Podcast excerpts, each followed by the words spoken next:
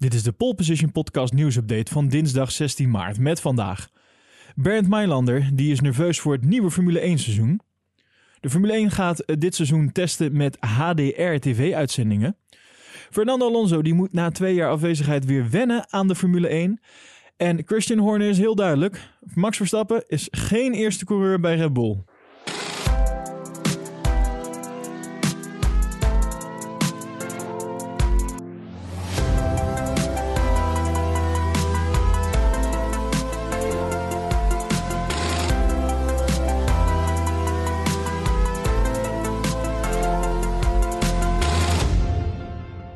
Bernd Mailander, de bestuurder van de safety car in de Formule 1, die had uh, kriebels in zijn buik toen hij afgelopen woensdag voor het eerst in zijn leven achter het stuur van een Aston Martin kroop.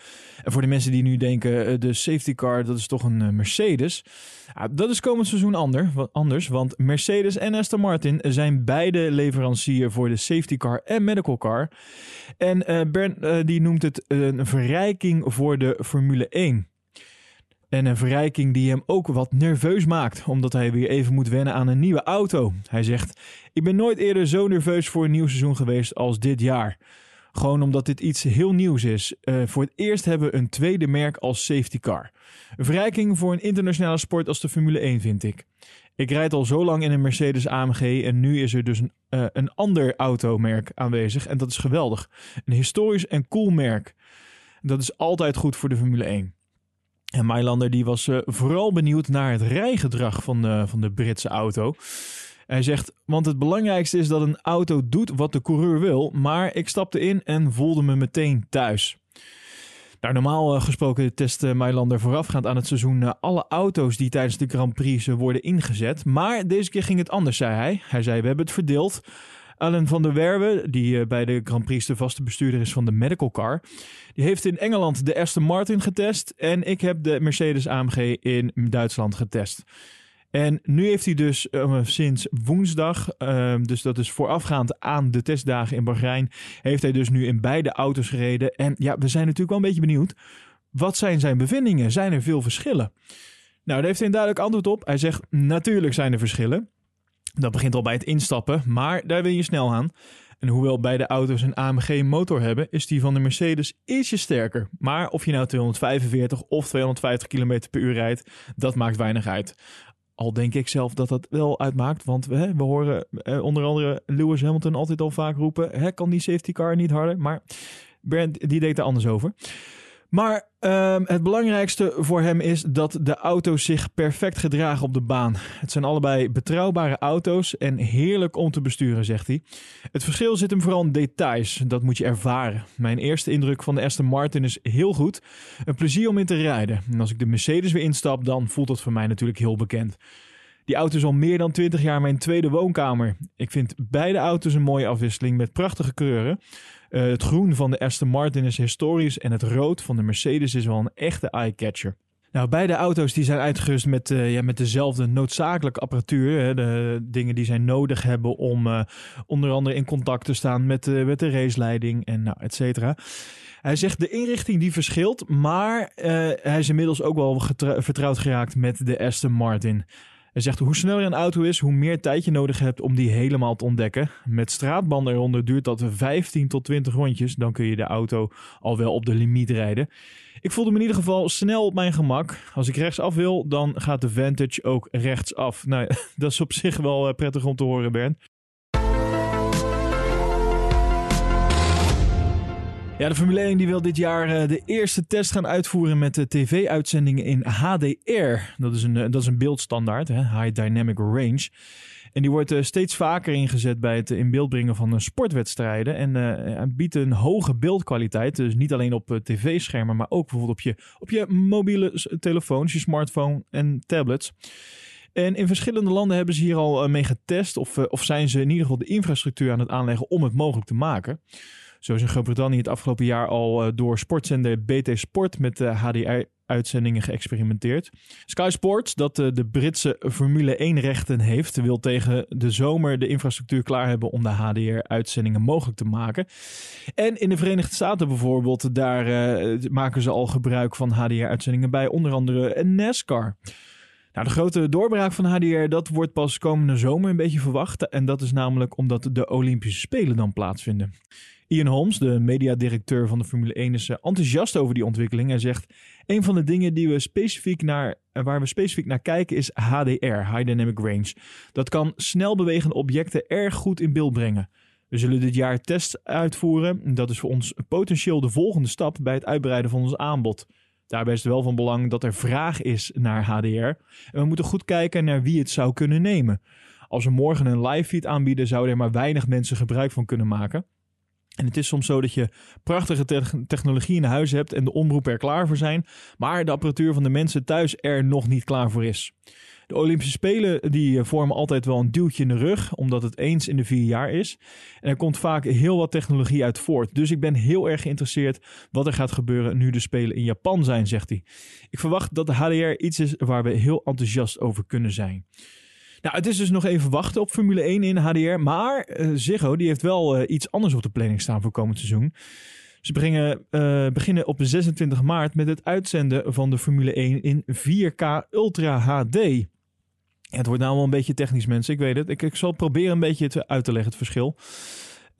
En don't shoot the messenger. Maar uh, ze gaan dus uh, in 4K Ultra HD aan een deel van de klanten gaan ze uh, de uitzendingen van de Formule 1 uitzenden. Klanten die de Mediabox Next gebruiken, kunnen Formule 1 in deze betere beeldkwaliteit bekijken. En op dit moment zijn er ja, meer dan 600.000 Mediabox Next decoders in gebruik. Nou, Ziggo begint de doorgifte van de Formule 1 in 4K met de SDR, dus de Standard Dynamic Range techniek. En uh, dit komt uh, omdat uh, de, het aanvoersignaal van de Formule 1-organisatie dus nu nog 4K Ultra HD is. Dus dat is SDR.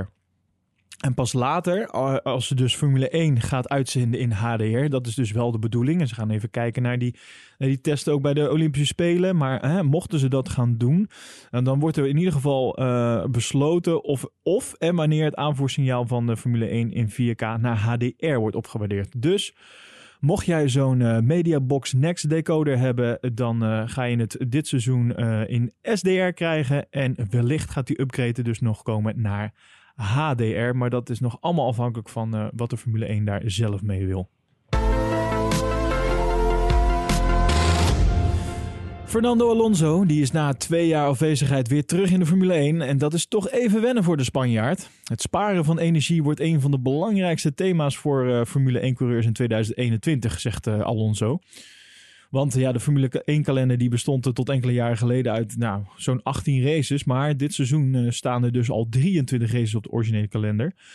Al moet nog gekeken worden of dat allemaal uh, uitvoerbaar is natuurlijk, hè, in verband met corona. Bijvoorbeeld de Grand Prix van Australië, die is natuurlijk inmiddels alweer uitge uitgesteld. Of in ieder geval opgeschoven naar het einde van het seizoen. De Grand Prix van China is ook al eruit gehaald. Dus er zijn wat veranderingen alweer bezig. Dus of we die 23 gaan halen, dat is nog de vraag. Maar nog voor, betekent het voor Alonso dat hij toch wel een pittig seizoen voor de boeg heeft. Al uh, ziet hij wel meerdere uitdagingen bij zijn terugkeer de Formule 1 paddock.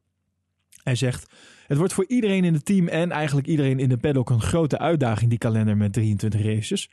We moeten rekening houden met dat aantal en proberen om energie te sparen. Wanneer je in juni, augustus en september wat energie kunt sparen, kan het ervoor zorgen dat je nog fris bent als de races in november en december plaatsvinden.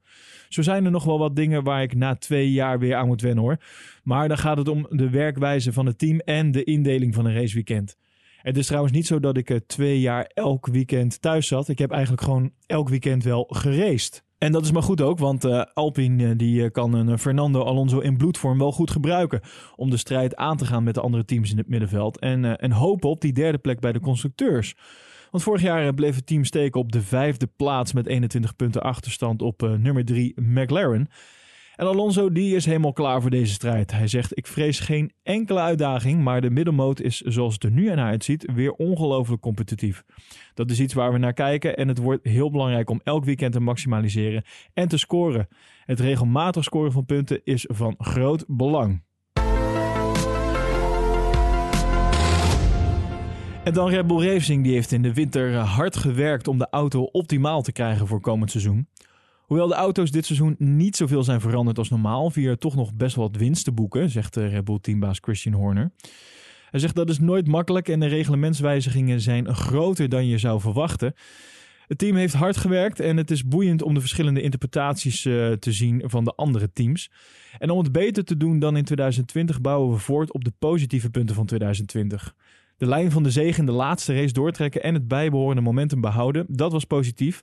Hopelijk kunnen we dit hele jaar sterk presteren. En niet alleen op het vlak van de auto zijn er vernieuwingen, maar ook dus binnen het team. Hè? Want Alexander Albon heeft het veld moeten ruimen voor nieuwkomer Sergio Perez. En al lijkt het alsof Red Bull Racing volledig om Max Verstappen draait, is Christian Horner toch wel heel duidelijk over de rol van Sergio Perez in het team. Hij zegt: Checo's komst is fijn, hij is heel ervaren en een geweldige kerel. De twee coureurs kunnen het heel goed met elkaar vinden en ik denk dat hij iets toevoegt aan het team wat positief is. Max en hij werken goed samen, ze vormen een goede combinatie en daarmee krijgt niemand een voorkeursbehandeling. De eerste is degene die voorop Dat is al jaren zo en zo was het al jaren.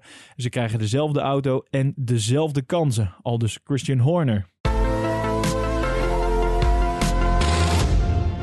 En voor meer nieuws en feitjes ga je naar ons Instagram-account, polepositionnl. Vergeet je niet te abonneren op deze podcast via jouw favoriete podcast-app om op de hoogte te blijven van het laatste nieuws over de Formule 1. En vind je deze podcast nou leuk en wil je ons financieel steunen? Kijk dan even op petje.af slash poleposition. En met jouw donatie word je dan automatisch lid van de Pole Position Podcast Pit Crew en heb je recht op enkele leuke bonussen.